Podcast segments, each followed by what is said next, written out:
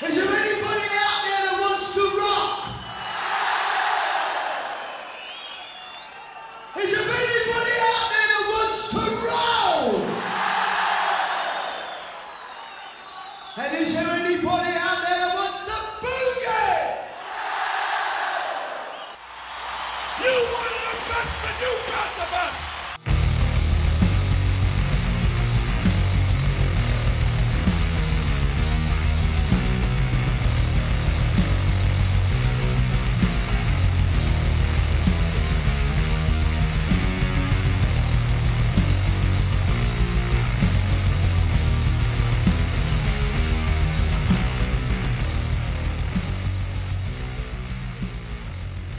Hej och välkomna till ett nytt avsnitt av Patchtrollen. Halloj! Nu är det årtalsdags igen. Äntligen! Det var ett tag sedan. Mm. Och vi börjar ju närma oss eh, dopparedagen här nu. Det var ju eh, det var väl visst en dopparedag det här året i alla fall för våra föräldrar för vi kommer ju nästa år. Precis, så kan man se det. Japp, då är det stor fest igen. Ja, det blir jubileumsavsnitt för våran del nästa gång. Japp.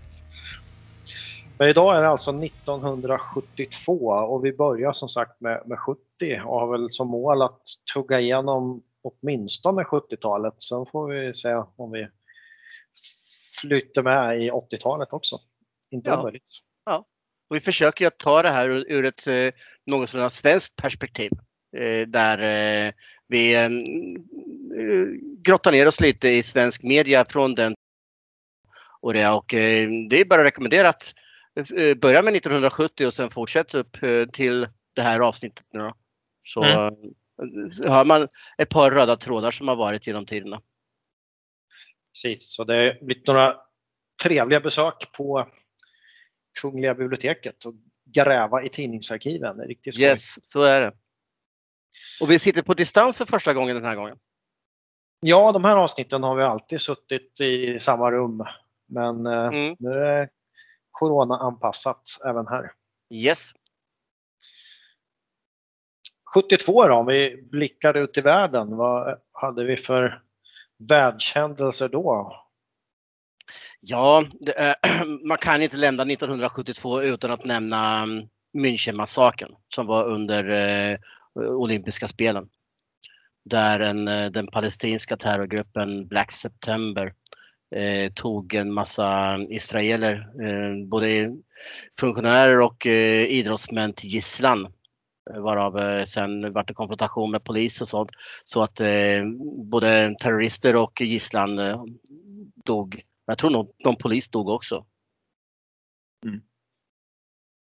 Det har ju sedan också dokumenterats eller, eller eh, porträtterats eh, i eh, filmen München som är gjord av St- Steven Spielberg som kom ut 2005. Betydligt roligare saker är ju att första Gudfadern-filmen hade premiär. Mm. Skitbra film. Fantastisk film och ansedd som världens bästa film av IMDBs läsare eller IMDBs röstare. Det brukar Mm. hoppa upp och ner där. Ibland ligger den etta, ibland ligger den tvåa. Just nu så ligger den faktiskt tvåa med 9,1 i snittbetyg efter Nyckeln till frihet. Och så de där två brukar ju byta plats med varandra. Yes, yes. Och sen eh, var det en, jag vet inte om det är så jättekänt nu längre, men det var en jordbävning i Nicaragua som dödade 10 000 personer dagen innan julafton den 23 12. Eh, det som, eh, om vi här blir så till musikens värld så eh, Mick Jaggers fru, dåvarande fru Bianca Jagger var från just Nicaragua. Och eh, Stones gjorde då en, eh, en eh, konsert för eh, där alla intäkter gick till eh, de drabbade i Nicaragua efter den här jordbävningen. Och det gjordes i LA Forum eh, den 18 i första 73. Eh, där Santana och eh, komikerparet Cheech and Chong också uppträdde. Och man fick faktiskt in 350 000 dollar. Eh, vilket eh, låter mycket även för den tidens eh, pengavärde. Men man hade räknat med 500 000 så att eh, Eh, man varit lite småbesviken där men ändå så var det rätt mycket pengar man fick in ändå. Så, och Cheech Chong i sin vana trogen eh, gjorde en halvtimmes stå upp komik fyllt av drogrelaterad, eh, drogrelaterade skämt. Det var deras grej. Det var det. Kan man lugnt säga. De gillade sin weed. ja, verkligen. Stoner, stoner rock utan rock. ja, precis. Sen eh, har vi ju lite eh, annat som också blev film många år senare. Där var en flygkrasch i Anderna där eh, man räddades då efter 73 dagar. Eh, också någonting som hände den 23 december. Och det här mynnade ut i filmen Alive som eh, tar upp kannibalism då som var, ja, det var det helt enkelt. Man börjar käka på varandra. Eh, så att ja, eh, makaber men väldigt bra film. Det var, var ett tag sedan jag såg den där men minns den som väldigt, väldigt stark och bra. Jag har nog bara sett den en gång faktiskt men eh, jag tyckte den var väldigt bra. Om vi blickar inåt lite mer i, i Sverige då, vad, vad hände där? Ja, ett och tvåöringarna försvann och det är tydligt då. Vi har ju aldrig någonsin betalat med ett och tvåöringar. Vi vet knappt hur de såg ut. Men eh, de försvann i alla fall som mynt från Sverige. Och Skurup öppnade den 3 de- december. Just det. Eh, jag tror det var tanken att eh, avlasta Köpenhamn lite grann. Eh, Jag är inte helt säker där men, men i alla fall. Tredje i tolfte. Ja.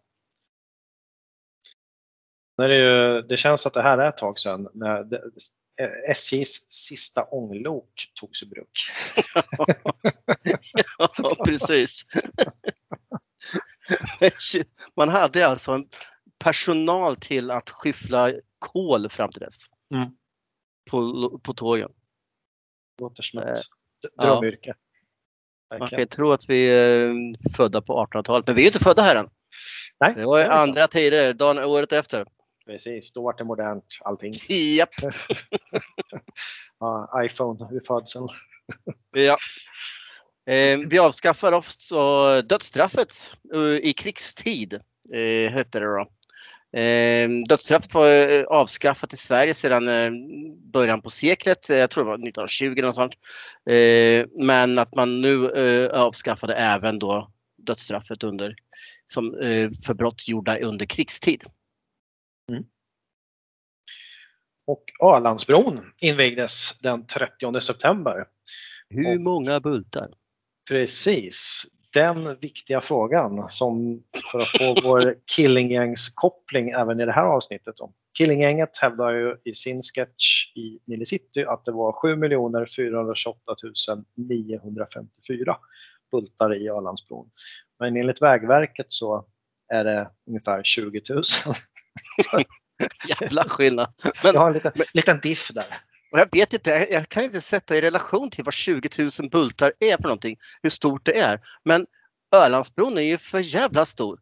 Ja, Det låter lite. det låter lite för en sån, så lång bro men eh, jag kan som- inte så mycket om brobultning. Så. Nej, det är inte mitt gebit heller. Så, men alltså, jag skulle kunna tänka mig kanske halva ena sidan. Ja, något sånt. Ja, nu, nu har vi killgissning här på hög nivå. Ja, verkligen. Men man protesterar ju inte när de sa att det var ungefär 7,5 miljon bultar. Bara, ja, Precis. rimligt. Det här- Och det här är vår, är vår podd. Precis. Och vi blickar i, i, i sportvärlden då. Vad hände då? Björn Taborg, eh, 15 bast. Eh, yngst genom tiderna att vara med i Davis Cup den 15 maj. Han slog dessutom eh, Onni Parun från Ny- Nya Zeeland.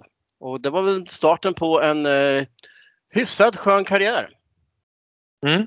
Det gick ju rätt bra för den killen. Japp. säga. Någon annan det gick bra för det här året i alla fall var Kjell Isaksson som slog nytt världsrekord i stavhopp. Först i världen över 5,5 meter. Han hoppar 5,51. Nu kan vi ju knyta an då till Armand Duplantis då som slår världsrekord, sätter nya världsrekord i år på 6.15 ute och 6.18 inne. Det var, ju så jävla, det var ju så jävla roligt. Innan vi satte igång den här inspelningen så satt du och jag och diskuterade att det var Bubka fortfarande. det är så, det kännetecknar lite på hur dåligt insatta vi är i friidrottens värld. Friidrottens värld, speciellt det här året 2020 har man inte riktigt haft så mycket fokus på vad som har hänt Nej. här. Ska vara Nej, inte direkt.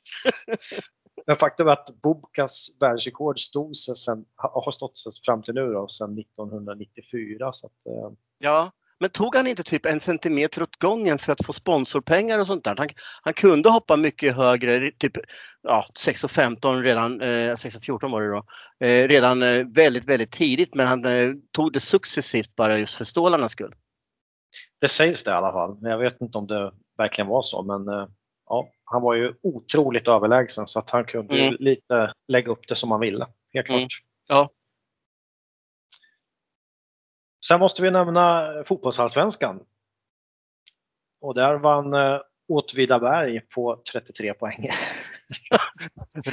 Raffe Ba Edström som eh, eh, skytteligavinnare. Det ska bli intressant. Det är kul. Det kan bli väldigt roligt framöver. Ska vi se. Fritz slår frisparken in i straffområdet. Och Hysén alldeles ensam jättechans. Ja!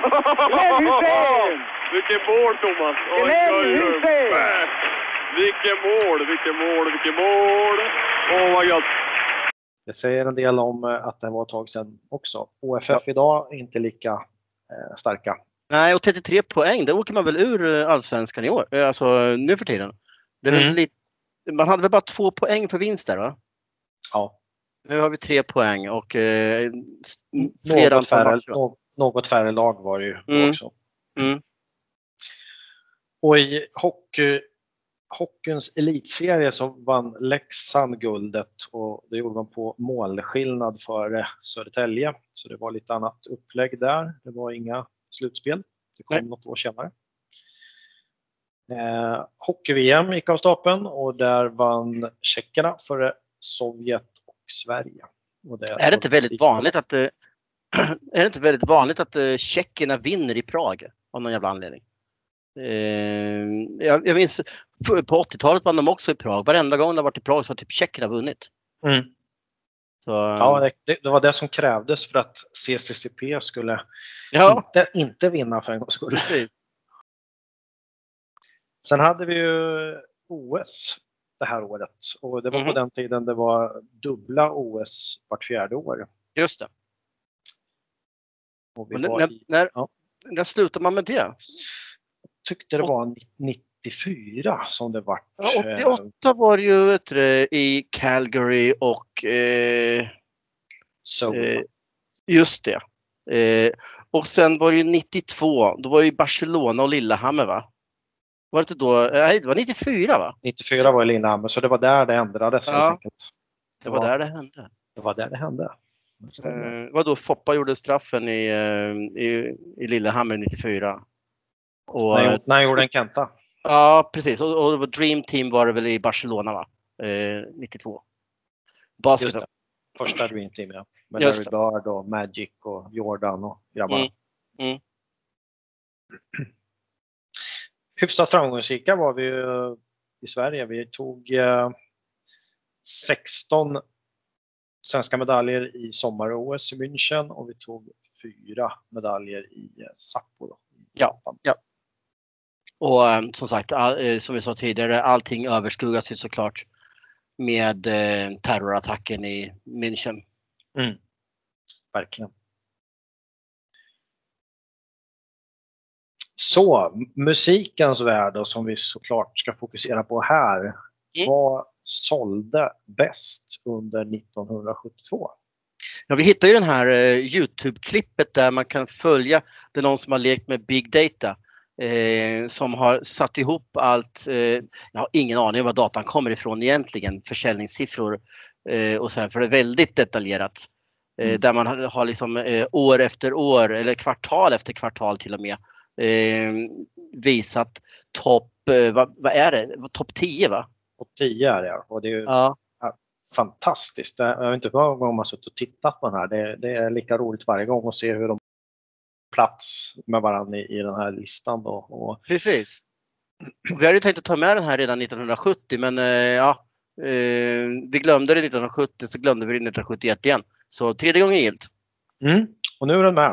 Och Ja. måste vi berätta att det är eh, riktigt tunga pjäser som Beatles och Elvis Presley i toppen. Det är kanske inga skrällar.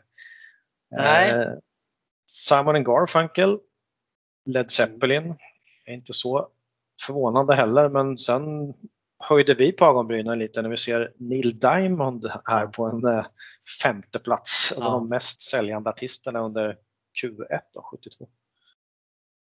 Så att, ja. Och eh, slutet på året så eh, ser det ungefär likadant i topp, ut i toppen. Zeppelin har gått upp på första plats följt av Beatles och, och Presley. Ja. Och sen har vi fått upp Barbara Streisand och Pink Floyd Mm, närmast toppen. just det. Men Billy eh, ja, Joel. här, Billy Joel också. Precis. Mm. Nej, men det här är riktigt kul. Den, den bör man definitivt kolla in på Youtube. Det börjar väl börjar 70 va? Och så går det ända fram till i typ förra året. Ja, något sånt. Eh, ja, det- Den är skithäftig. Som sagt, jag har ingen aning om var det kommer ifrån men det är otroligt detaljerat och eh, när man väl tänker efter på vad det var som var populärt på eh, den tiden det visar så eh, it makes sense. Mm. Så um, ja, skitrolig. Det är kul också att se hur, hur genrer har verkligen bytts ut genom åren och det var väldigt mycket rock på 70-talet och eh, i viss mån även 80. Så försvann det helt och hållet från de här listorna i alla fall. Eh, senare år Ja. eller redan under 00-talet var det Ja. väldigt lite rock på de här listorna. Så att, Det eh, har varit ju färre och färre som man själv lyssnar på. Ja, så var det definitivt. Lite övrigt då i, i musikens värld. Eh, Elo gör sin live-debut på puben Fox and Greyhound i Cro- Croydon, heter det så? Ja. Mm. Och, eh, ja, men det, så det, det var ju starten på en stor karriär. Så, Mm. eh, och Elo har gjort fantastiskt mycket bra musik. Det, För de som inte har hört dem, Electric Light Orchestra, eh, kolla in dem. Det är eh, fantastiska låtar. Still going fast eh, bara med Jeff Lynne numera då, som var ju i Sverige så sent som, ja, de skulle ha kommit i år faktiskt också, men det har varit lite ändrade planer då. Så att de Ja, det var så numera- på, Ja, nu minns jag inte om det var förra året eller om det var 2018, men det var hyfsat nära och det var, ja, det var riktigt bra. Eh, oerhört proffsigt eh, Mm. och det är ju under namnet Jeff Lynns Elo. Så att det är inget snack om vem som är the man i det här bandet. Precis.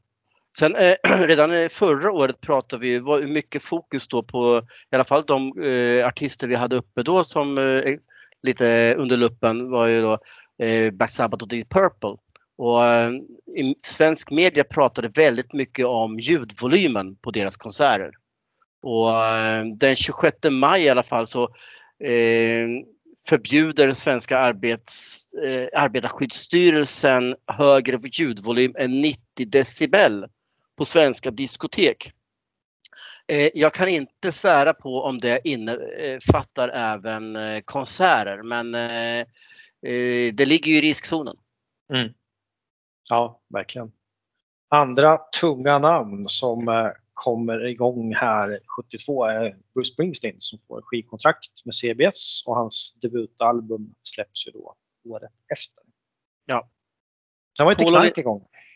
Yes! Mm. Paul och Linda McCartney eh, ville brassa upp lite grann. I eh, Göteborg av alla ställen. Eh, det tyckte inte eh, farbror Blå om utan de var tagna och fick böter. Det var ju här, Det var, när de var det här var med bara Wings. innehav. Det var inte, de satt ju inte och brassade direkt men eh, innehav var det. Lite artister som föddes då, 72. Allas vår Nicke Andersson såg dagens ljus 1, oktober, 1 augusti. Mm. Taylor Hawkins, Foo Fighters trummisen. Eh, 17 i andra. Samma dag faktiskt som eh, Billy Joe Armstrong från Green Day. Och den 21 i nionde Liam Gallagher. Från Oasis kanske man ska tillägga. Ja, precis. Han eh, kör solo nu men eh, mest känd från Oasis såklart. Ja. Ja, precis. Och vi brukar ju var- ta upp, vi brukar ta upp lite om, eh, eh, inte bara folk som, eh, artister som föddes utan artister som dog. Mm. Och då hade du en liten eh, en fortsättning på förra avsnittet. Precis, vi pratar ju eh, Allman Brothers Band som har varit otursförföljda. Eh, där Dwayne Allman dog i eh, en motorcykelolycka 71. Eh, och samma öde till mötes det här året då går basisten Barry Oakley. Eh, och eh, det bizarra i det här är att dels så var de lika gamla, 24 år. Eh, båda dog i en motorcykelolycka och det skedde ungefär på samma ställe eller i samma kvarter. Då. Eh, Oakley han, eh, ja, han dog inte omedelbart utan han eh, borstade av sig dammet och åkte hem eller hur han nu tog sig hem. Han hade väl lite hjärnskakning men eh, dog sen hemma. Så att hade han istället tagit sig till sjukhuset så hade han förmodligen överlevt. Eh, annat bisarrt dödsfall har vi ju tidigare i maj då. Där eh, Leslie Harvey, eh, kanske inte superkänd men något mer känd, Alex Harvey, hans bror, startade glamrockbandet The Sen- Sensational Alex Harvey Ba- Band. Han dog av en elektrisk stöt från en mikrofon på scen och blev medlem i den makabra Klubb 27 som vi pratade en hel del om förra gången.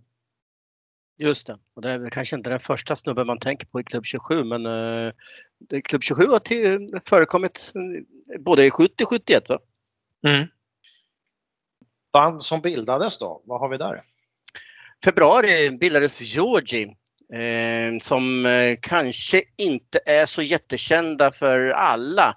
Men eh, för ACDC-fans eh, är det definitivt någonting att eh, lägga på minne. Eh, Brian Johnson var nämligen sångaren i Georgie. Och jag minns att de gjorde en cover i alla fall av House of the Rising Sun som var väldigt bra. Och um, för den som vill lyssna mer på ACDC så har vi såklart ett avsnitt med dem där vi hade eh, Johan och Sickan från ACDC Machine. Eh, avsnitt nummer 12 va? Det var bra. Lite andra band då som drog igång det här året är 10cc. Jag trodde att de eh, började mycket, mycket tidigare.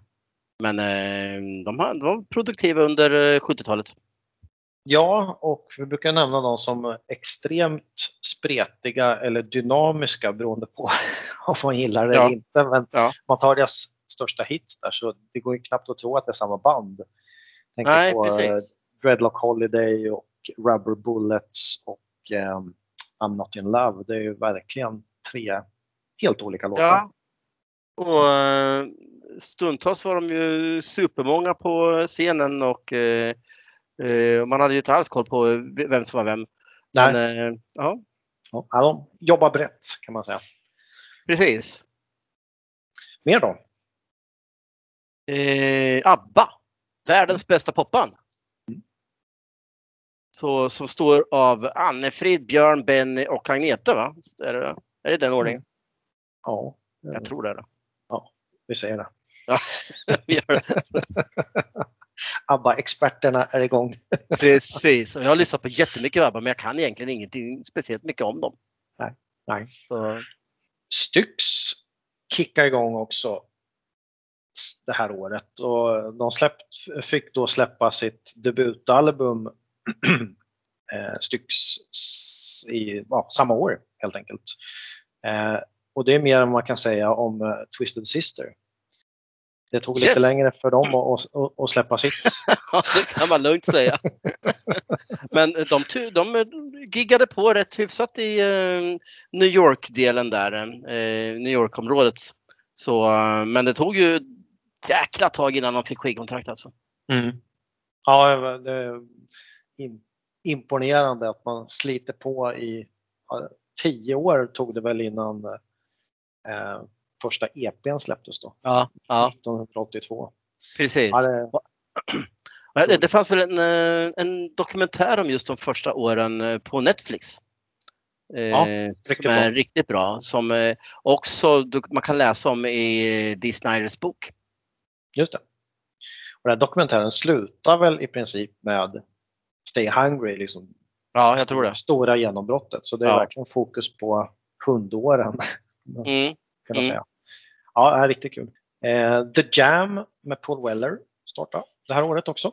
Mm. Eh, och även Wizard då, som eh, innehöll, innehöll Roy Wood som var med och startade ELO men hoppade av tidigt och startade upp ett eget band istället. Då. Ja.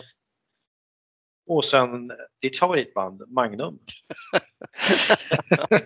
Ja. De är bara helt ointressanta. Ja. Det är Magnum och Total. Ja, precis. Ja, nej, det har jag så mycket till övers för i, i den här podden. Men Nej. eh, still going, om det är strong, det får någon annan uttala sig om. Men de kör ju fortfarande och eh, Ja. både Tony Clarking på gitarr och sång, eh, huvudsaklig låtskrivare och sångaren Bob Catley, de är ju fortfarande kvar i bandet. Mhm. Mm. Så de har kört på. Bara för att vi inte tycker om dem. Det är, om det är någon annan som tycker om dem och gärna vill prata Magnum eller Toto i podden så ni är välkomna att kontakta oss. Verkligen, de kanske kan övertyga oss om att det här är fantastiskt bra. Yes. Kanske bara lyssnat på fel skivor. Kan det vara. Eh, vi har väl lite band också som eh, la ner 72. Vi pratar mycket om eh, Creedence i, i tidiga avsnitt här. De hade ju en enormt framgångsrik karriär på väldigt kort tid. Man Ja. säga. Ja. Så eh, 68 kickade de igång på allvar. De hade också funnits eh, ett antal år innan då, men, men skivan, första skivan kom 68. Sista skivan kommer det här året då 72 då de även splittrades då. Och, eh, Mm. ja, kort och intensiv karriär kan man lugnt säga. Eh, sen snackade vi lite om det här förut att, eh, att MC5 la ner här och Nicke Andersson föddes samma år. Det, Japp. det, det kan inte bara vara slump. Det på- Det påminner lite om det här. Eh, Den här memet med Chuck Norris. Han föddes den här dagen 1945, dagen efter kapitulerade nazisterna. Just saying. All, allt hänger ihop. Så, men eh, Jefferson Airplane är ju med på de här som splittrades också och det, det känns ju mer liksom naturligt. Jefferson Airplane är ju ett, eh, ett 60-talsband i mina öron i alla fall. Ja, här- var ju liksom den här flum Flower Power-eran över. Ja. Det känns verkligen som ett band av den tiden. Då. Men som Ja. sagt, MC5 hade man nog kunnat gissat att de körde på några år till i alla fall. Men så. Definitivt. Vem med One Morrison packa ihop också och även Lou Reeds Velvet Underground. Mm. Och eh, då börjar vi komma fram till vad vi ska titta lite närmare på. Det är ju de som var här och spela i Sverige. Precis, eller Sverige generellt vad som händer med Precis. i musikvärlden. Absolut. Så, absolut. och, det, och det är ju egentligen eh, huvudfokuset. Nu har vi låt, låtit lite som eh, 80-talets Sportnytt när vi har rabblat upp massa resultat. Eh, men eh, det är... Eh, nu kör vi! Nu kör vi! Och I vanlig ordning var det ju fantastiskt mycket bra utländska artister på besök i Sverige. Vi hade bland annat Wings som vi nämnde tidigare. Ten years after. The Who. Sweet. Jerry Lee Lewis och sen då de två artister som vi ska titta lite närmre på. Alice Cooper och Johnny Cash. Och det är lite roligt för det är ju så nu man kommer igång lite med det här. Eh, vi märker på pressen här att glamrocken börjar träda in eh, ordentligt i tillvaron. Och eh, det mottas ju med eh, blandad förtjusning. Då. Ja, verkligen. Och värt att nämna av de här besöken är Sweet som gjorde helt otroligt mycket eh, svenska konserter, både året innan 71 och eh, i år. Då. De, de, man kan säga att de var verkligen på Sverige-turné. De spelade i det var eh, Älmhult och det var Växjö och det var Hudiksvall och ja, det var folkparksturné för The Sweet. Och det var ju då de var väldigt tuggummi-poppiga med de här Poppa Joe och Coco och allt vad de hette. Så det var innan de klassades som ett hårdrocksband. Det kom några Ja. år senare. Och de, de ingick ju i det här, eh, den här eh, glamrocken som sen kom igång. Mm. Så, Mm. eh, och eh, man pratade rätt mycket i media om, eh, om det här, om den tredje generationens eh, rockhjältar.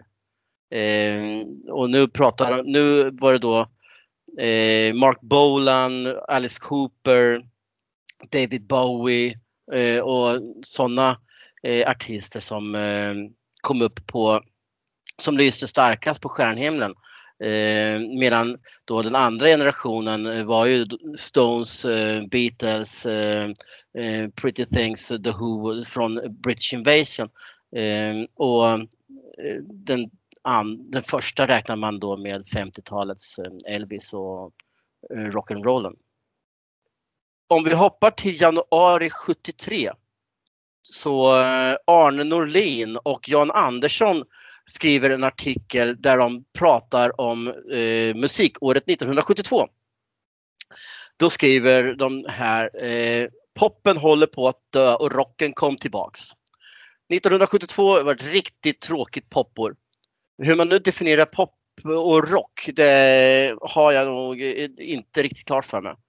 Ehm, men, eh, men i alla fall, de tycker att det är mycket dåligt år och eh, det släpptes ut fler medelmåttiga och dåliga popskivor än någonsin. Knappt något var nytt och fräscht, tycker de. Då.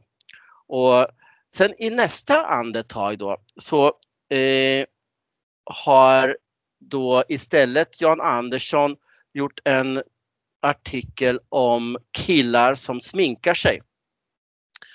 Där han skriver att killar ska nu för tiden se ut som tjejer. De sminkar sig under ögonen och på läpparna och eh, målar nagellack och sånt. Och han nämner då Mark Bolan, Mick Jagger, David Bowie och Alice Cooper. Eh, och dessutom Alice, som sen kommer i fokus i det här avsnittet, eh, låtsas dessutom vara homosexuell. Eh, Tommy Rander, den gamla sågaren, är ju också eh, med på de här tonerna då och eh, skriver om de målade grabbarnas gäng. Och det här är den 13 i åttonde i Göteborgstidningen. Eh, och eh, sminkade grabbar med feminint uppträdande som inte hetsar upp oss något äldre. Vi kan ju liksom tricken utan till redan. Tommy the man. Har inte han varit med i varenda avsnitt? Ja, det känns så. Det går inte att eh, bortse från hans skrivande. Det är fantastiskt. Arne Norlin som brukar stå för de riktiga roliga grejerna. Men i alla fall, Arne och Jan då fortsätter i sin lista och, och listar upp lite roliga saker. Då. Så eh, årets tråkigaste, det som hände under 72 då, var eh, alla engelska band som spelar tung rock. Och då, eh, då är det ju då eh, Black Sabbath, Led Zeppelin och, eh, och dylikt. Så ja, det vart nog andra tongångar sen. Tummen ner för den tyngre rocken ännu en gång. Precis.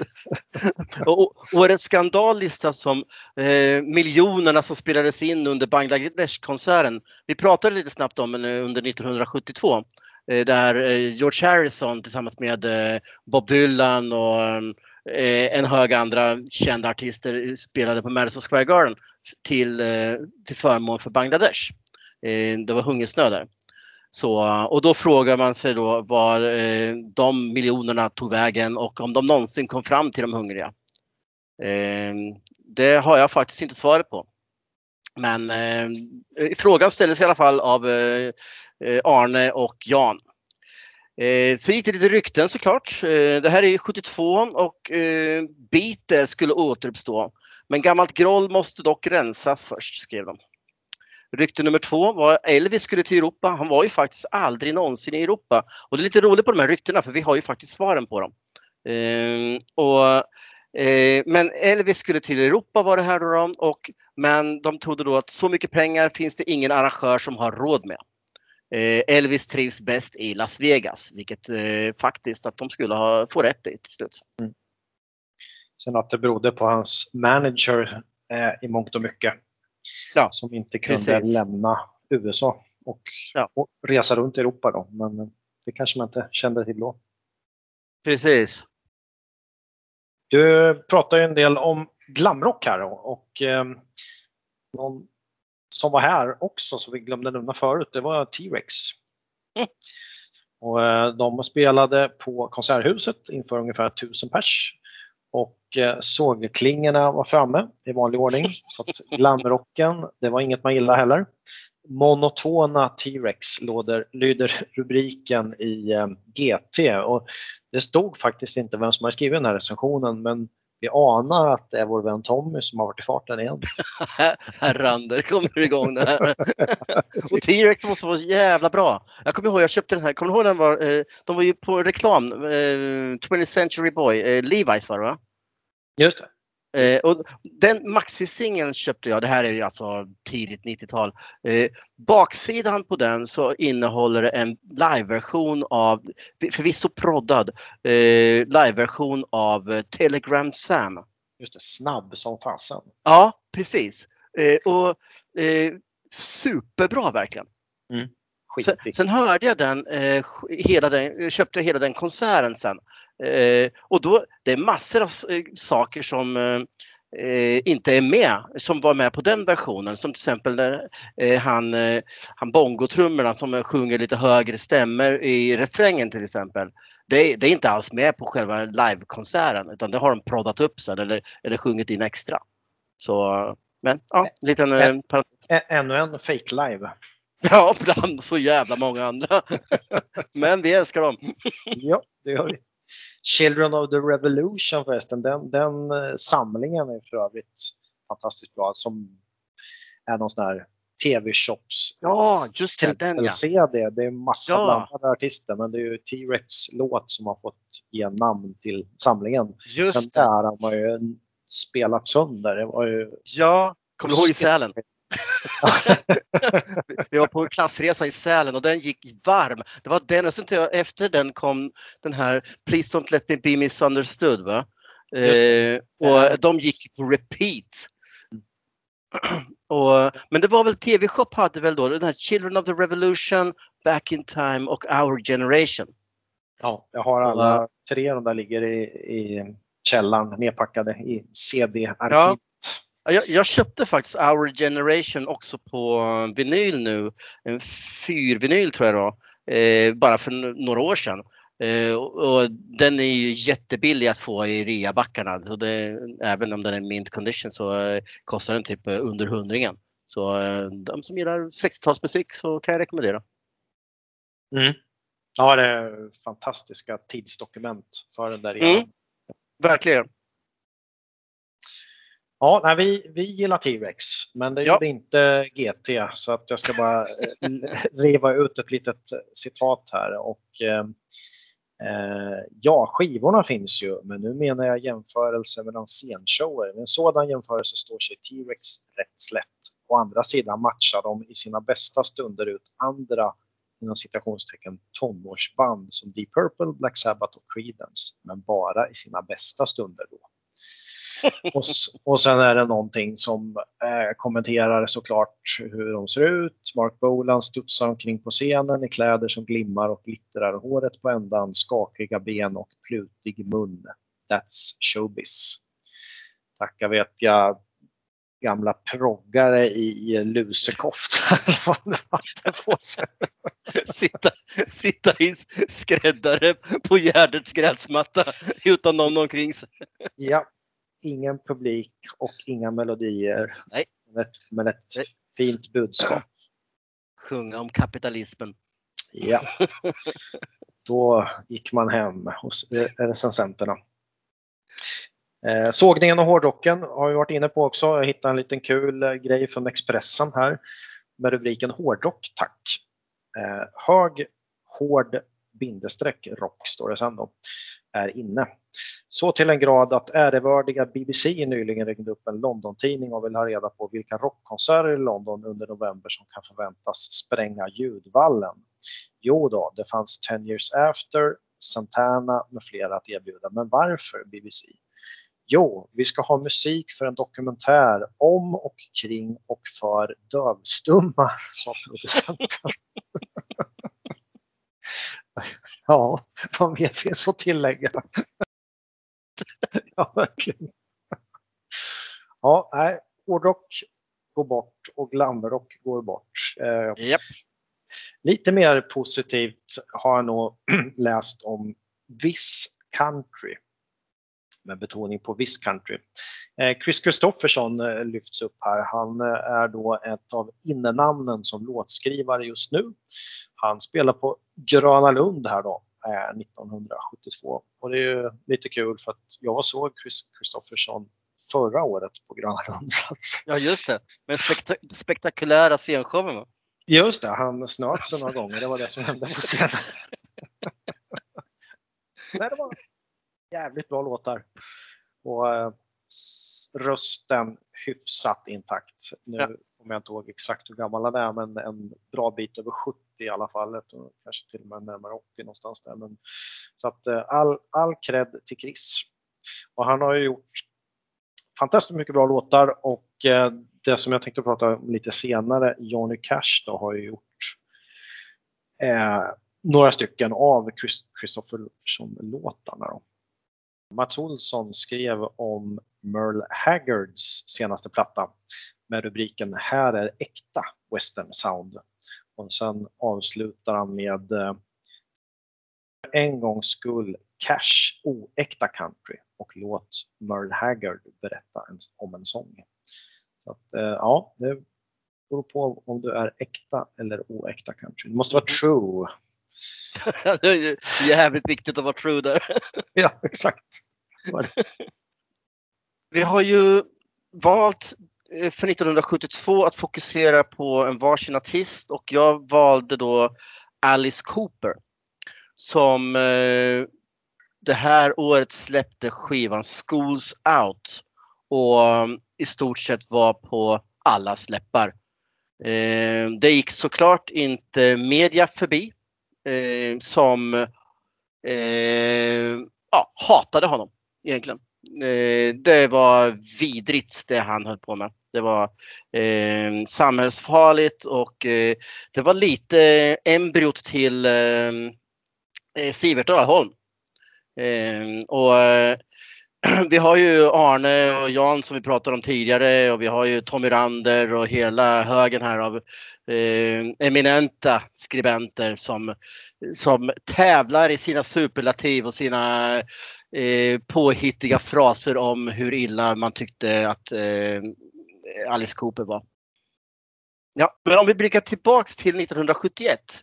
I, redan i oktober eh, fanns en liten eh, notis i eh, Arbetet, i tidningen Arbetet, eh, Västsverige. Eh, som det står, det sägs att om man ska ha riktigt roligt ska man åka till Köpenhamn den 25 oktober. För då spelar Alice Cooper. Det lär vara något alldeles extra, säger de som har hört gruppen. Så stor var han inte som han var på alla släpp i alla fall, inte den här skribenten ensam. Så, men eh, det hindrar ju inte Arne och Jan på Aftonbladet att eh, komma igång ordentligt med ehm, eh, sin avsky eh, mot all, eh, stackars Alice. Då, då. Alice Cooper är den vedervärdigaste som finns just nu inom poppen. Sen tar han ut en utsvulten boaorm. Eh, just att den är utsvulten den här boen. Han måste ha sagt det på scenen eller någonting. Den här han har inte ätit på jättelänge eller någonting. För, för hela tiden kommer många tillbaka på att den här jävla ormen är, den är ju liksom utsvulten och har aldrig ätit någonting i hela sitt liv verkar det som. Han skulle kunna svälja en hel elefant. Hel. Men i alla Så hade fall, de eh, järnkoll på boaormar och kunde läsa av att den var utsvulten. jag kan tänka mig att Arne hade de här, de här färdigheterna också. Det, ja, de fortsätter i alla fall eh, fortfarande i, i 10 juli 1972. Show inom situationstecken eh, som brukar leda till eh, kräkningar, hysteriska anfall och svimningar bland publiken kan gå hem någon annanstans än i USA. Och vi får hoppas att Alice Cooper aldrig någonsin kommer till Sverige. Det var den som väntade Alice när han skulle komma till Sverige. Ja, positiva vibbar. Arne hade då eh, i året, eh, bara en eh, månad senare, runt den 20, 21 augusti, så skrev han faktiskt en recension av Schools Out.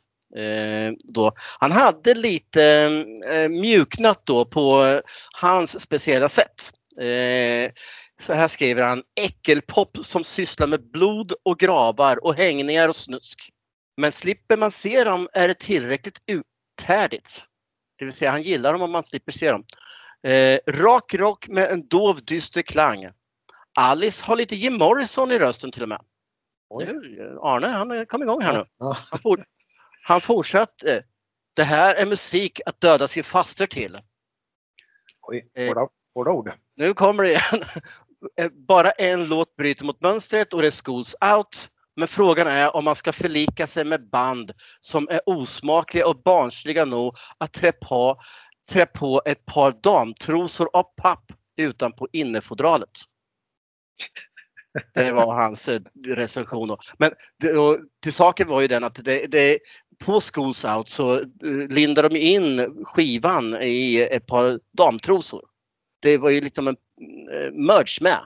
Mm, för att omslaget i sig var ju då att man kunde fälla upp små ben och göra det till en liten en, en skolbänk. Just. Var ju riktigt ett av de coolaste omslagen faktiskt. Ja, ja faktiskt, det, det är riktigt häftigt. Så, men till slut i alla fall då så eh, den 21 i 11 1972 så eh, sattes eh, första ackordet av Alice Cooper Band på svensk mark. Och vi pratar faktiskt lite om den här konserten eh, med Carl Linnaeus när vi hade vårt Alice Cooper avsnitt eh, nummer 14 i Partstalen. Där eh, vi ställde frågan liksom varför just Lund? Varför inte Stockholm eller eh, Göteborg eller något sånt. här. Och det, det undrade han också egentligen. Men Lund var ju liksom så här, det var enkelt att komma över från Köpenhamn och eh, just Olympen i Lund. Vilka jävla konserter de har haft under åren. En, en, så- en stad som inte alls känns samma konsertdignitet idag som det Nej. var då. Det- De, har verkligen tapp, tappat. Och det är väl, eh, gissar jag, sen eh, Olympen försvann. Mm. För det var ju en liten eh, en, en felbyggd handbollsarena. Var det. Mm. Och eh, allt från eh, då, ja, eh, Alice Cooper till ja, Metallica på senare år sedan eh, har ju spelat där och eh, eh, väldigt, väldigt bra. Och mycket handlar ju om att man skulle på väg upp till Sverige och, eller till eh, Stockholm och mm, Göteborg vila crew eh, efter båtresan och allting. Så man samlade ihop allting och då kunde man lika gärna göra ett eh, gig i Lund. Den här konserten i alla fall med Alice Cooper eh, var en del av eh, eh Schools Out Schools Out for Summer Tour 1972.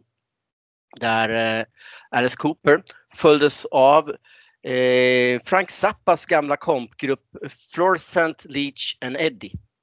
Jag har faktiskt aldrig hört dem utan Frank Zappa. Men det, det är lite konstigt att det är just en anknytning till Zappa som, eh, eh, som finns med här i och med att Zappa tog Alice Cooper Band under sina vingar eh, när det väl började ge dem eh, skivkontrakt och så. Vilket såklart gav dem en skjuts. Eh, så han vart väl lite av mentor där också för dem. Så eh, han gjorde mycket för dem. Men det, hans kompband eh, var i alla fall med och det uppmärksammade Bert Gren som eh, var, egentligen var rätt nyanserad mot Alice faktiskt. Eh, jag är inte så eh, van att läsa nyanserade grejer av Bert när det kommer till eh, recensioner och sånt där. Men han var ändå rätt hyfsad eh, och tyckte att eh, eh Göteborgs, eh, eller eh, Köpenhamnskonserten var bättre än, eh, än Lund och säger då att eh, de inte hade sin bästa dag och förbandet var mycket, mycket bättre. Ljudet var inte bara högt utan skrikigt och det blev jobbigt i längden. Eh, det här kan räknas som tredje generationens rockkungar, skriver de. DNs Claes Storm är också rätt nyanserad faktiskt, men påverkar då, eller påpekar eh, våldet i konserten. Det är väldigt teatriskt det här.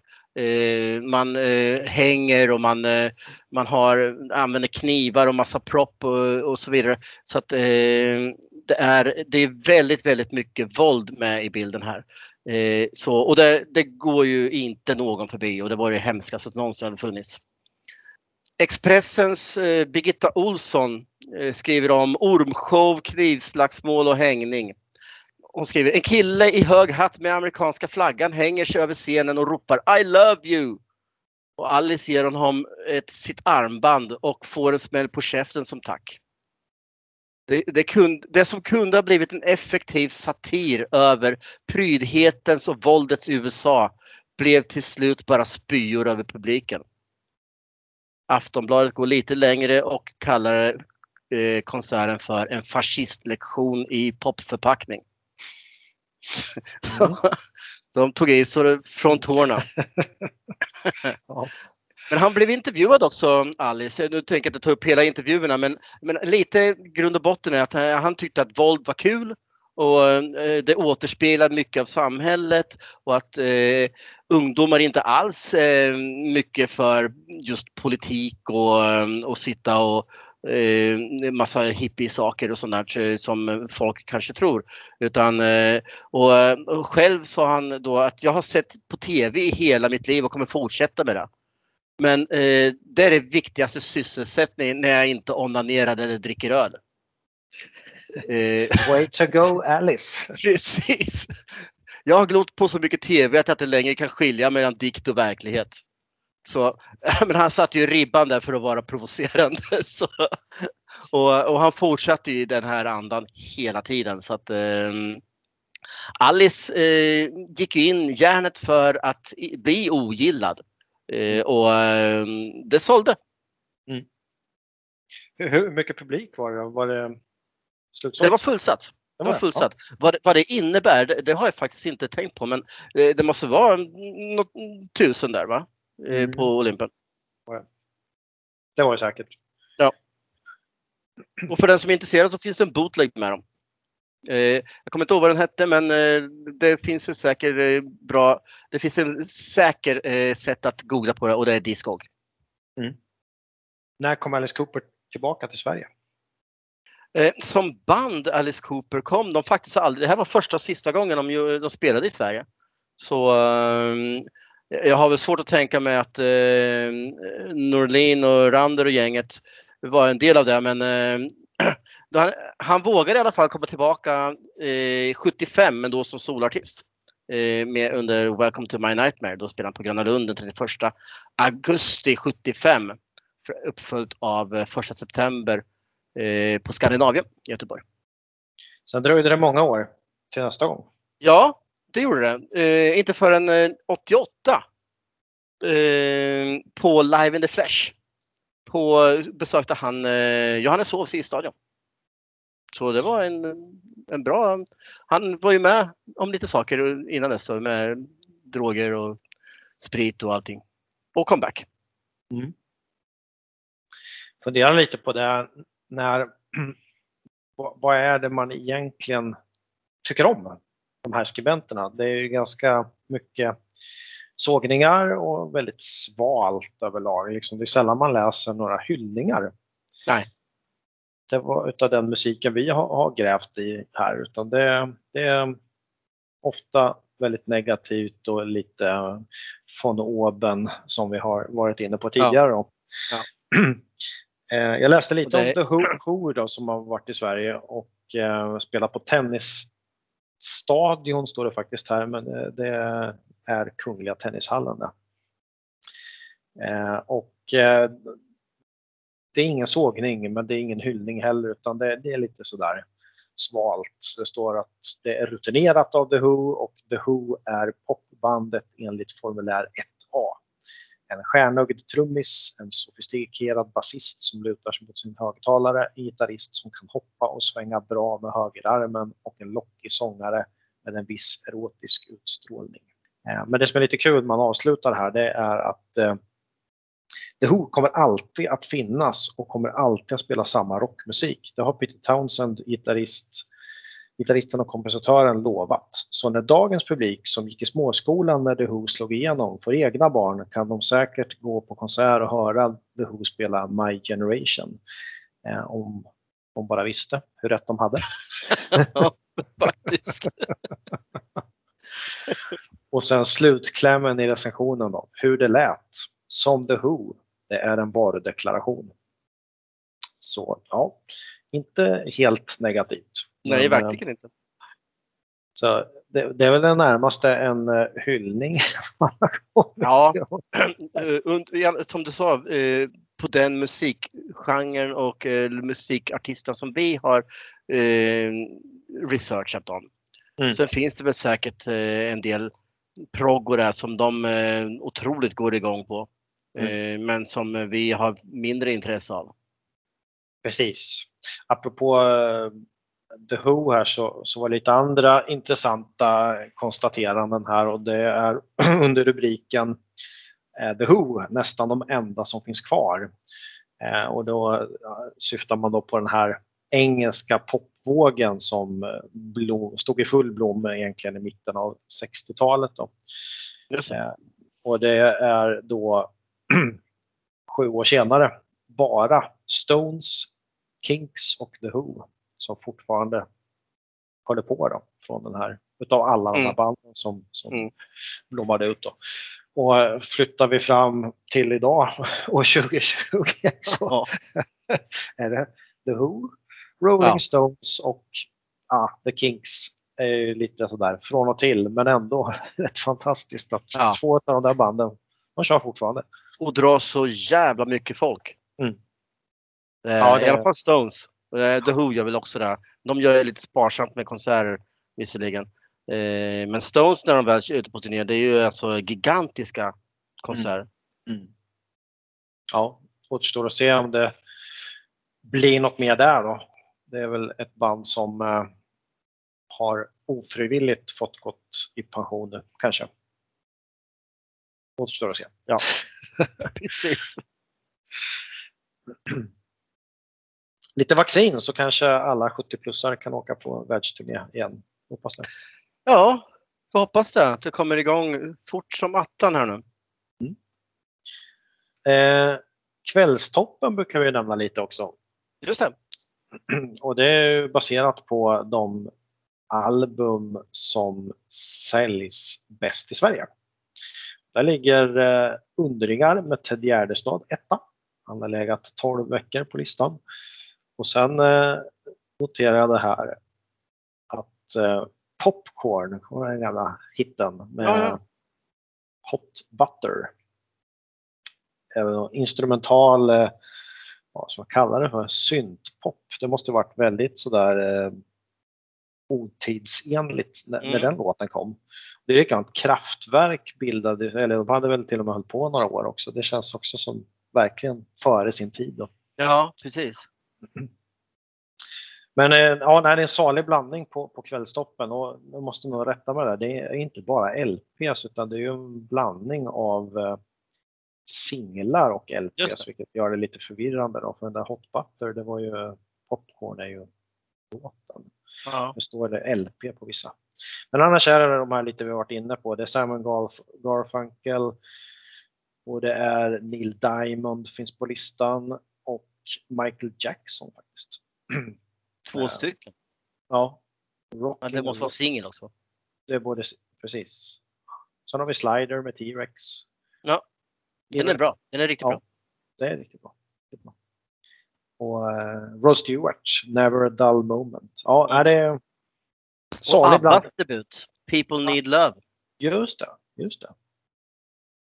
Ja, eh, om man pratar med, eh, som eh, Tommy Randers sa, de, de sminkade grabbarnas gäng med eh, Mark Bolan och, och eh, David Bowie och eh, Alice Cooper. Så eh, raka motsatsen har ju du fokuserat på. Det var ju Johnny Cash som är väldigt eh, manlig i sin utstrålning. Mm. The Man in Black. Inte mycket smink och glitter. Där inte. Inte direkt. Nej, det var lite annat eh, stuk kan man väl lugnt säga. Eh, ja, Johnny Cash eh, gör vart faktiskt fem spelningar, men det är utannonserat tre. The- The Johnny Cash Show. Han spelade i Göteborg, Malmö och Stockholm. Mm. Eh, och eh, det här är andra gången han är i Sverige. Man har försökt få hit honom flera gånger under 60-talet. Han vart ju framförallt stor med eh, den här fängelsespelningen och fängelseplattan San Quentin. Då. Så att 71 tog det faktiskt innan man fick hit Johnny Cash. Så då var det jättesuccé. Han gjorde bland annat eh, slog publikrekord i Skandinavium eh, i Göteborg. Då. Han eh, drog 13 000 pers. Så det var bara två hockeymatcher, Sverige-Tjeckien, som drog mer människor till, till Skandinavium. Och det här rekordet stod sig faktiskt i ganska många år eh, när, för just musikkonserter då i, i Skandinavium. Mm. Eh, riktigt samma succé vart det inte publikmässigt det här året. Det vart väl ungefär 7000 som kom till eh, Skandinavien. då. Men eh, om jag tänker på 71 så det var först, andra gången han var här. Eh, när var första? Nej, 70, 71 första och 72 andra. Ja, så var det. Men varför var han inte i Europa överhuvudtaget eller var det bara Sverige han undvek eller var det hela Europa som kontinent han undvek? Nej, det var, han hade varit i, i Europa, så det var Sverige som han hade eh, fått problem att, få hit honom. Och, och, det jag har läst är, det var eh, pengarna helt enkelt. Han, han var väldigt dyr. Man hade inte råd att ta hit honom helt enkelt. Men han har såklart som mål att slå sitt publikrekord och det eh, får väl ingen så här jättebra förklaring varför det var mycket svalare intresse för att han hade hits och låg på listorna och succén succéerna var här året innan men det var samma exakt samma koncept, samma artister han hade med sig och spelade ungefär samma låtar. Och, eh, det kanske var lite nyhetens behag. Det skrivs rätt mycket om Johnny Cash innan de här spelningarna. Dels är mycket fokus på att han ska slå det här publikrekordet i, i Skandinavium. Eh, det är också en intervju med honom där han säger att han var ett vrak för fem år sedan och hans fru June Carter har liksom räddat upp honom från pillermissbruk och annat elände. Och sen en jättenyhet egentligen och det är att han ska sjunga i ett svenskt fängelse. Så att utöver de här tre spelningarna så, så blir det en spelning på Österåker då, eh, vilket måste varit väldigt eh, speciellt. Skulle säga att det skulle vara väldigt speciellt idag med om det kommer hit en amerikansk storartist och spelar på ett svenskt fängelse. Det händer Ja. inte, för, händer inte för ofta. Nej, verkligen. Har- Gjorde han det på andra ställen också i Europa? Eller? Man känner ju till eh, att han har Folsom Prison och San Quentin innan då. Fast det är USA båda två. Så, Mm. och, den, och den här Österåker då. Men eh, fi- finns det även andra exempel på eh, anstalter som han spelar på? Det ska jag låta vara osagt faktiskt. Det är väl de där som svensk i alla fall som man har hört talas om. Men som sagt, det började i Skandinavium och eh, enligt skribenterna så gick det inte så bra. Eh, GT har rubriken Platt fall för cash och under rubriken Blek tillställning. Då. Man tycker att han är lite blasé och eh, det är lite auto eh, autopilot på framträdandet och man tycker inte om att han släpar upp hela sin familj och eh, dessutom kopierar showen från, från året innan. Så att eh, nej, ingen höjdare enligt GT i alla fall. Eh, platt fall eh, har man då, knyter man an till att han ramlar nästan från scenen när han ska lämna den på en trappa. Då, så att han, och hans fru har problem att ta sig både upp och ner för den där trappan. Då. Men svar på tal får man då i en insändare från en i publiken. Eh, och eh, då skriver man då, läste vad GT skrivit om Johnny Cash-galan. Jag var där och hörde bifallet han fick av publiken. Jens Lisell skriver att publiken tände en smula en gång. Va? Publiken slutade inte att jubla så Cash var, var tvungen att sjunga om San Quentin, Me and Bobby, Me and Bobby McGee och Deep in the Valley. Vad hade ni i era öron då? Var ni där? Cash blev inropad igen och sjöng en låt till precis som förra året. Jag fattar inte hur ni i tidningen kan skriva ner en artist så bara för att ni inte gillar honom. Svara på det om ni kan. Det här var botten. ja, han, han, har ju, utan att veta, har han ju någonting, ligger det någonting i. För en skribent kan ju säkert ha gått efter de första låtarna för att hinna uh, till uh, trycket. Exakt, det var precis det jag tänkte på för att det skriver man ju i recensionen då att det är inga extra nummer, han ropas inte in. Nej, det, mm. du hade gått. Så att ja, det fick de svar på tal och sen eh, svarar Jens på det där också. Då. Eh, jag är ingen stor beundrare av Johnny Cash men ogillar honom definitivt inte. Det jag skrev i recensionen står jag för. Vad som är succé och inte kan det naturligtvis råda delade meningar om. Ja, det är intressant att eh, även utan eh, sociala medier så kan man ha lite dialog där i mm. kommentarsfältet eller vad du ska mm. kalla det för. Mm. Mats Olsson är inte heller så eh, imponerad. Han skriver då för Arbetarbladet, heter det, tror jag. Det är i alla fall om Malmö-spelningen då. Och han hakar upp sig lite på det här religiösa som Johnny Cash han sjunger en del låtar om eh, Jesus och visar någon film med korsfästningen i bakgrunden på scenen och sådär och det tycker han inte om alls. Och han sågar fullkomligt de här som finns runt omkring Johnny Cash då, som spelar i den här showen då, bland annat Carter Family och eh, Statler Brothers som är rena löjan. The Carter Family låter dessutom som Frälsningsarmén en regnig och råkall kväll på torget. Det låter ju faktiskt som en riktig höjda kväll. Ja, verkligen.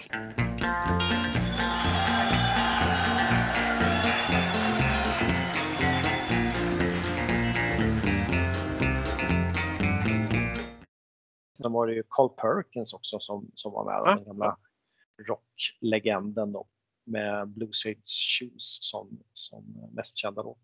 Mm. Det som är intressant här också är att han eh, spelade i Philadelphia-kyrkan i eh, Stockholm. Så att han gör mm. konsert på Kungliga Tennishallen. Sen så gör han då en spe, gratisspelning i Philadelphia-kyrkan. Då. Eh, och mm, det står så här, direkt från den halvfulla tennisstadion där biljettpriserna låg på uppåt 40 kronor för Johnny, så får Johnny Cash direkt till den här Philadelphia-kyrkan och där var det gratis och fullsatt. Så att, ja, eh, lite speciellt då, men han hade mycket känslor för kyrkor och fängelser då bevisligen. Eh, Undrar hur de annonserade ut det där För det var, eh, i och med att det var fullsatt så måste de på något sätt ha annonserat ut att han skulle mm, framträda. Så. Ja, bara i, i liksom lokalt och i församlingen. Det var ju liksom ingen mm. annonsering i tidningen utan där står det ju bara av de här tre, ska vi kalla det för, mer officiella spelningarna som man ja. totalt då. Och 40 kronor var tydligen mycket pengar på den här tiden. Då. Ytterligare en recension i DN, samma gamla cash så att eh, även de har eh, inte riktigt fattat tycke för det här att han kör samma stuk som, som året innan. Då. Eh, Svenska Dagbladet sammanfattar i rubriken Cash ett jasso. Cash som jag faktiskt trodde att det är någon som har varit ganska hyllad genom åren men när man läser här i svensk press så är det ju överlag väldigt negativt. Då. Man tycker att han, eh, det är enkelspårigt, man läser vad de skriver om musiken så det, det är samma komp, han är inte duktig på att spela gitarr, ganska tråkig sångröst. Eh, man ställer sig lite frågande till hur han kan bli så stor med så simpla medel. Då. Mm. Men det har ju lite varit den röda tråden när man ifrågasätter. Man tycker inte att det är tillräckligt komplext eller vad det nu är man är Nej, ute efter i sin musik. Då. För att vi har ju läst liknande eh, synpunkter kring Black Sabbath för att ta ett exempel. Ja, också. ja. Väldigt monotont, väldigt enformigt och eh, man kan inte spela, man kan inte sjunga. Det är väldigt mycket sånt och klankar ner på, på eh, musikskapet helt enkelt. Då. Ja, det är ju inte något progressivt direkt. Det är ju inte 40 000 eh, eh, eh, tempoväxlingar i en 27 minuters låt. Utan det, det är ett tempo i fyra minuter max. Eller nej, inte ens det. Då, vad kör han? Två, tre minuter i sina låtar? Eller? Ja, något sånt. Precis. Ja. Nej, det är inga Genesis 20 minuter. Nej, inte direkt. Koncept, en konceptalbum med, med Johnny Cash. En singel bara. Precis. Men han eh, rundar ju av den här Sverige-turnén då eh, på Österåker som sen blir en skiva. Den kommer först några år senare men eh, ändå ett jäkligt kul och intressant tidsdokument att eh, man faktiskt bandade hela den här plattan. Eh, tyvärr finns det inget eh, rörligt material från det. Jag har sett bara några få stillbilder. Men eh, ja, riktigt speciellt får man väl säga. Jag hade hoppats att jag skulle få läsa lite mer om det här och det, det, det är något som faktiskt måste nämnas i sammanhanget. Jag köpte en bok, Hello Sweden, av Johnny Cash. Allt om The Man in Black och alla hans Sverigebesök. De här har då skrivits av Börje Lundberg som vi har nämnt förut, tror jag, ihop då med Lasse Lindfors från vår gamla hemstad Norrköping. Och det är ju en helt fantastisk story i sig att Lasse Lindfors var väldigt nära vän med Johnny Cash i många år. Så Lasse Lindfors var 19 när han träffade Johnny Cash första gången och Cash var väl kanske 40 fast etablerad världs, världsstjärna och de något klicka mellan dem. Så att bland annat så har ju Lasse då fått ett bälte, eh, bältespänne. Johnny Cash is a friend of mine och han är en av 20 pers i hela världen och den enda europeen som har det bältet, bältespännet. Vilket säger allt egentligen hur pass nära de var. Jag minns på 80-talet att eh, när Johnny Cash var i Norr, eh, Norrköping och spelade i Himmelstalundshallen så var det några, mm, mm, någon artikel eh, dagen efter att han hade gett bort sina jeans till någon och det, det kan ju varit till honom. Det är till Lasse. Det Ja, stämmer. Så Han fick väldigt mycket prylar av, av eh, Johnny Cash. Och han eh, har dessutom varit bott hemma hos, eh, i alla fall ätit middag hemma hos eh, Lasse Lindfors i Åby utanför Norrköping. Och det var i samband med den här spelningen i Himmelstalundshallen och det säger också en del att det enda Sverigespelningen man gör är Himmelstalundshallen i Norrköping och säkert väldigt mycket har med Lasse Lindfors att göra. ja. Så att, eh, Ja. ja, det är imponerande. Så att den, här, den här boken kan jag rekommendera eh, om man får ett bättre exemplar än jag fick. För att jag läser på här och kommer då till eh, 72, får läsa lite om Skandinavium och sen när jag ska läsa om eh, spelningen på Österåker, då märker jag att här saknas det sidor. så det blev jag blåst på. Så, Så jag har inte så mycket mer berätta om Österåker, tyvärr. Eh, och det här blir faktiskt första och förhoppningsvis sista gången jag fått reklamera en, en bok. Så jävla typiskt. Så att när, när, när man kommer tillbaka här i, i den här kronologiska handlingen, då är Johnny Cash på Hamburger Börs 1976. Vad fan! ja, vad i helvete händer?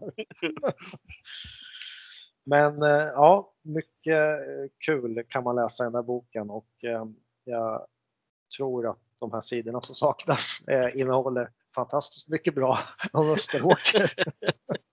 Vi får ju spela in ett tillägg när du har fått den boken. ja, exakt. Jag måste nästan göra min bonus. Han kanske inte kommer ihåg någonting och liksom fipplade med sidorna bara för att slippa.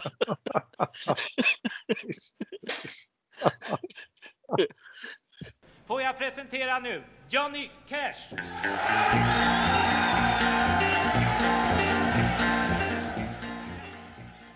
Och här bryter vi in några veckor senare.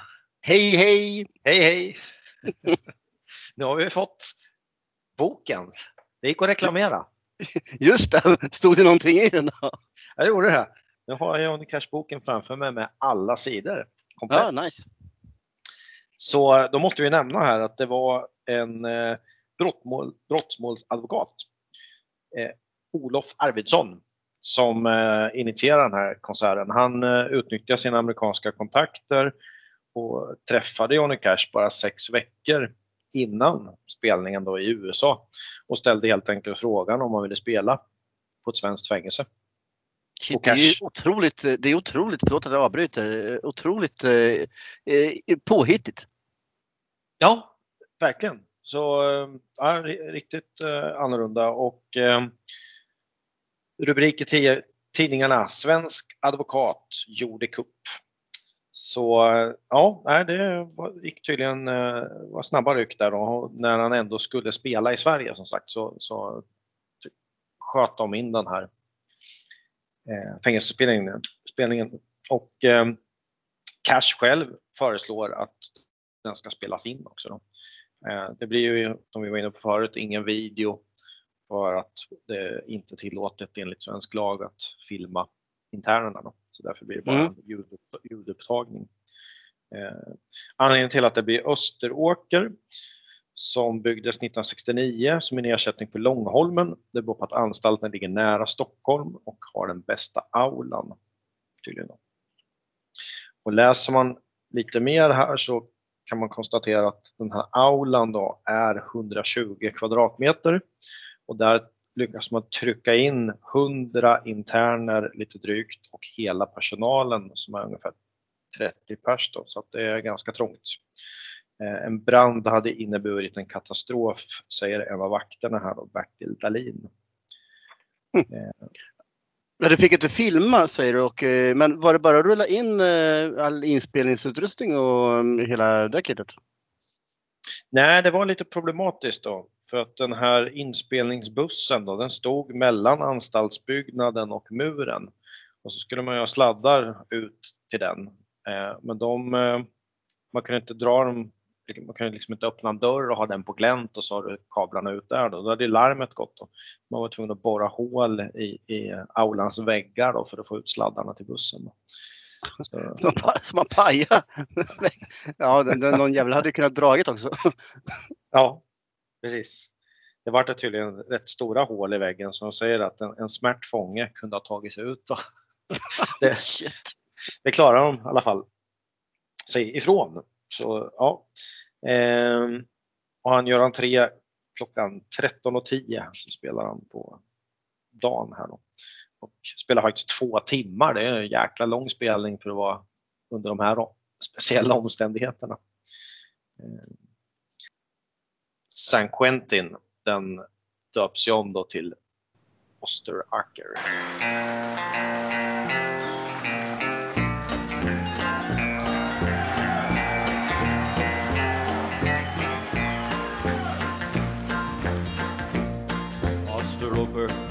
Been living hell to me.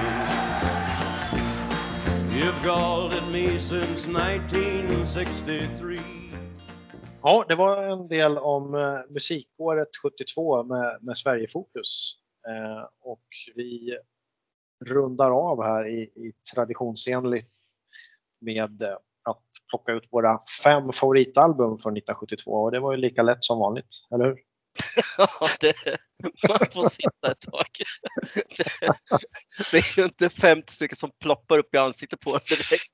Nej, jag hade nog Några av dem är ju det faktiskt det. några självskrivna men sen Ja. var det jäkligt tufft då. Ja. Eh, Och ja, jag konstaterade bara att eh, eh, det blir lite så här lite tjatigt från, för, för, från 71 och 70. Det är samma artister. Det återkommer, det, är lite repriser här. Det är lite repriser, ja. Så är det. Så det, det är några grupper som var jäkligt starka de här åren, så Ja. kan man väl konstatera. Ja. Hur ser din eh, femma ut då, utan inbördes ordning? Eh, min fe- eh, femma har Schools Out med Alice Cooper. Eh, Black Sabbaths nummer, volym 4, eller volym 4. Eh, David Bowies Ziggy Stardust. Eh, Machine Head med eh, Deep Purple. Och eh, såklart Exile on Main Street, Rolling Stones. Mm. En eh, tung lista och vilka ratar du då? Eller framförallt? du- De som inte kom, precis, bubblarna som inte kom med det är T-Rex the Slider, Neil Young eh, Harvest, eh, Status Quo, Quo och eh, All the Young Dudes med Motte Hoople. Mm. Så det var de fyra som låg närmast. Det var de som rök sist så att säga i eh, sortering. Själva? Jag eh, tog med då några av de, de som du ratade. Piledriver var faktiskt Status Quo-plattan det här året. Eh, och du konstaterar att Status Quo har haft med två gånger av tre under de här tre åren som vi har kört. Eh, Deep Purple har fått vara med varje år. I år var det Machine Head. Eh, och Sabbath har också varit med varje år Mm. på mina listor.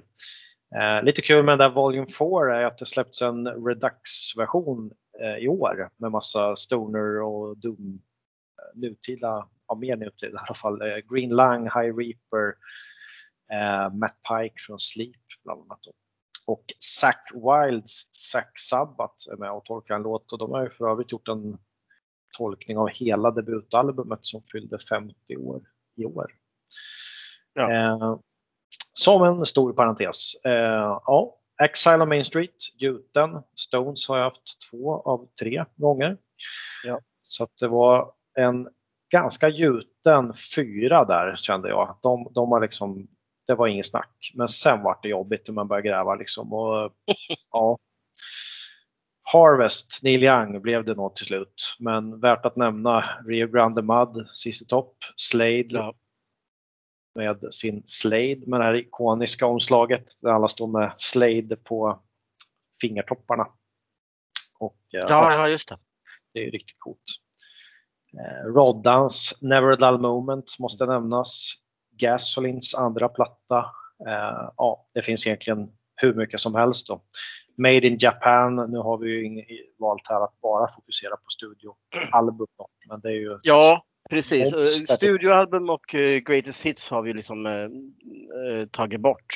Mm, ja. För att eh, det finns ju en hel del, framförallt eh, livealbum som, som definitivt platsar på listor.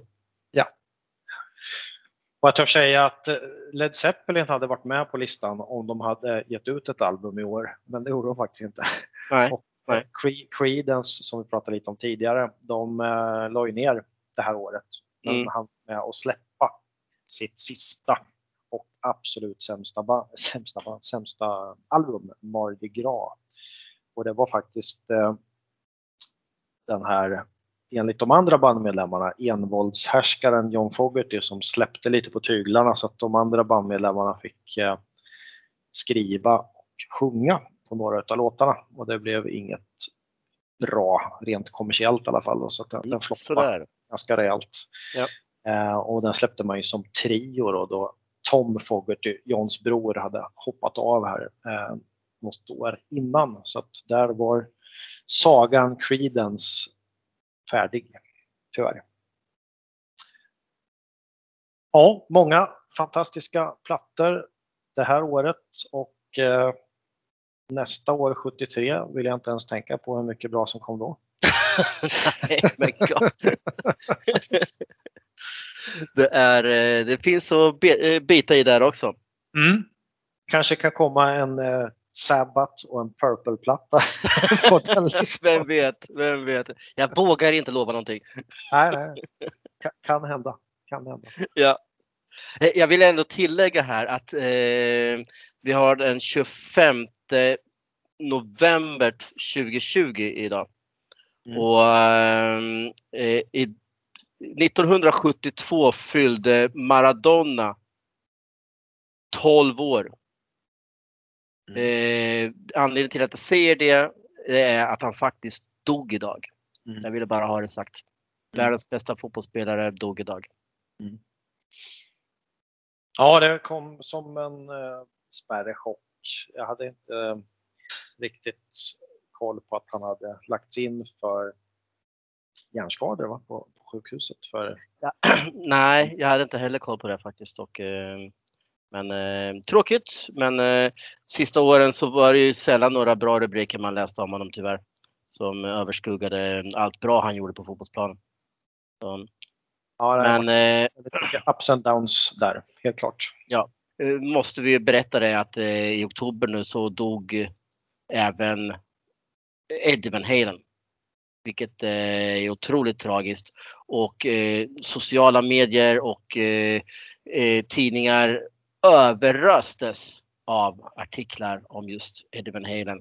Där eh, han prisas som en av de absolut största gitarristerna genom tiderna. Vilket jag helt håller med om. Ja, det är han och Jimi Hendrix. På den, på den Ja, ja absolut. Eh, med, med flera. Men, eh, men den impact som, eh, som Eddie Van Halen gjorde med, med sitt sätt att spela, det, det är eh, få som uppnår det. Ja, det skulle vara Jimi Hendrix då, med sitt sätt att spela. Jag tror inte jag har sett något, något liknande när kända musikartister har, har, har dött. Det brukar alltid liksom bli massa snurr i, i sociala Mm. medier, absolut. Men jag tror inte, alltså det här var något helt enormt. Det kändes som Mm. alla verkligen la ut någonting om Eddie Van Halen. Det, det, Ja, precis. Det, det, det slår till och med, det måste slå Lemmy eh, när Ja. han dog och Mm. även David Bowie. Mm. Eh, var ju också någonting som eh, cirkulerade väldigt mycket. Men, eh, men det här var eh, någonting i hästväg faktiskt. Mm. Ja, det var det verkligen och det kändes som re- rel- relativt genrelöst också. Nu följer man ju extremt mycket rock och hårdrock i, i, i sina flöden då. Men eh, det kändes ändå som att han, även om man kanske inte var något fan av Van Halen då, så var man ändå eh, eh, eh man imponerades av Eddie som gitarrist. Ja, definitivt. Och, eh, och vi har ju, eh, vi hade ju Niklas Müller Hansen med oss bara för två avsnitt sedan. Avsnitt 21 och 22 där vi pratade om just, eh, nej 2021 eh, där vi pratade om just om Ben Halen och eh, såklart om mycket om Eddie Van. Eh, som eh, vi lyckades bli aktuella. Men ja, lätt snubbling där också. Ja, det var ju inte mer än någon vecka eller Ja, det var inte långt efter det. Nej, det var inte alls långt efter det. Så det var en märklig slump. Mm. Verkligen. Mm. Ja, har vi något eh, sista vi vill säga om 1972? Eh, en förfest till eh, 1973 skulle jag vilja påstå. Det är, eh, jag har sett fram emot eh, 1973 hela tiden. För att eh, det är vårt förestår. Mm. Vi kan prata mer om det i det avsnittet, men jag kommer ihåg att ni hade 25-årsfest ihop med en kompis. Så vi hade så, således 50-årsfest, 2 gånger 25 Då spelade vi bara låtar från 1973. Och Mm. det var jävligt många bra låtar. Ja, det var, så att, man visste att det var ett bra musikår men sen när man började gräva liksom, oj den låten är från 73 och den låten är från 73. Så att eh, ja, vi lyckas fylla en hel musikkassett var det väl då, eller om det möjligen var hembränd CD kanske på den tiden. Jag kommer inte Men ihåg. hade, hade vi inte någon form av 73-tema också när vi hade 30-årsfesten? Eh, Jo, det var väl någon frå fr- frågesport på um, mycket musikfrågor var det. Var det Så var det. Precis. 73. Precis, och 35-årsfesten kommer jag inte ihåg liksom, vad vi hade. Det är inte för att det var... Eh, Det är inte, det är inte många som kommer ihåg den. det var inte så jag menade. men, men jag kommer inte ihåg vad vi gjorde. men eh, nej, men eh, alltså återigen så har vi ju gått igenom ett otroligt coolt år när det kommer till musik och eh, häftiga eh, recensioner och eh, artiklar som man kanske inte håller med om men ändå så sätter det en, eh, en tidsprägel eh, på hur det faktiskt såg ut då. Så eh, de här eh, avsnitten är ju så jävla roliga att sitta och hålla på med. Ja, verkligen. Och det är klart vi har en, en, en viss eh, raljerande ton när vi läser de här recensionerna. Men Ja. det är ju samtidigt eh, Glimten i ögat. glimten i ögat och vi tycker att det är väldigt underhållande att läsa Ja. recensionerna såklart. Precis. Det var en Och, eh, tidsanda och ett annat musikfokus, det kan man väl lugnt säga. Man ska vara jävligt glad att de faktiskt skrev någonting överhuvudtaget för att eh, eh, alla de här som har skrivit genom åren och fortfarande gör än idag. Det är, alltså, det är ju dokument, eh, tidsdokument för inte bara artisternas eh, eh, nedstamp på svensk mark utan eh, lite om samhällsbilden hur det var då. Och det är ascoolt. Och med det så tackar vi för oss och eh, säger stort tack till er som har lyssnat. Ja, stort tack!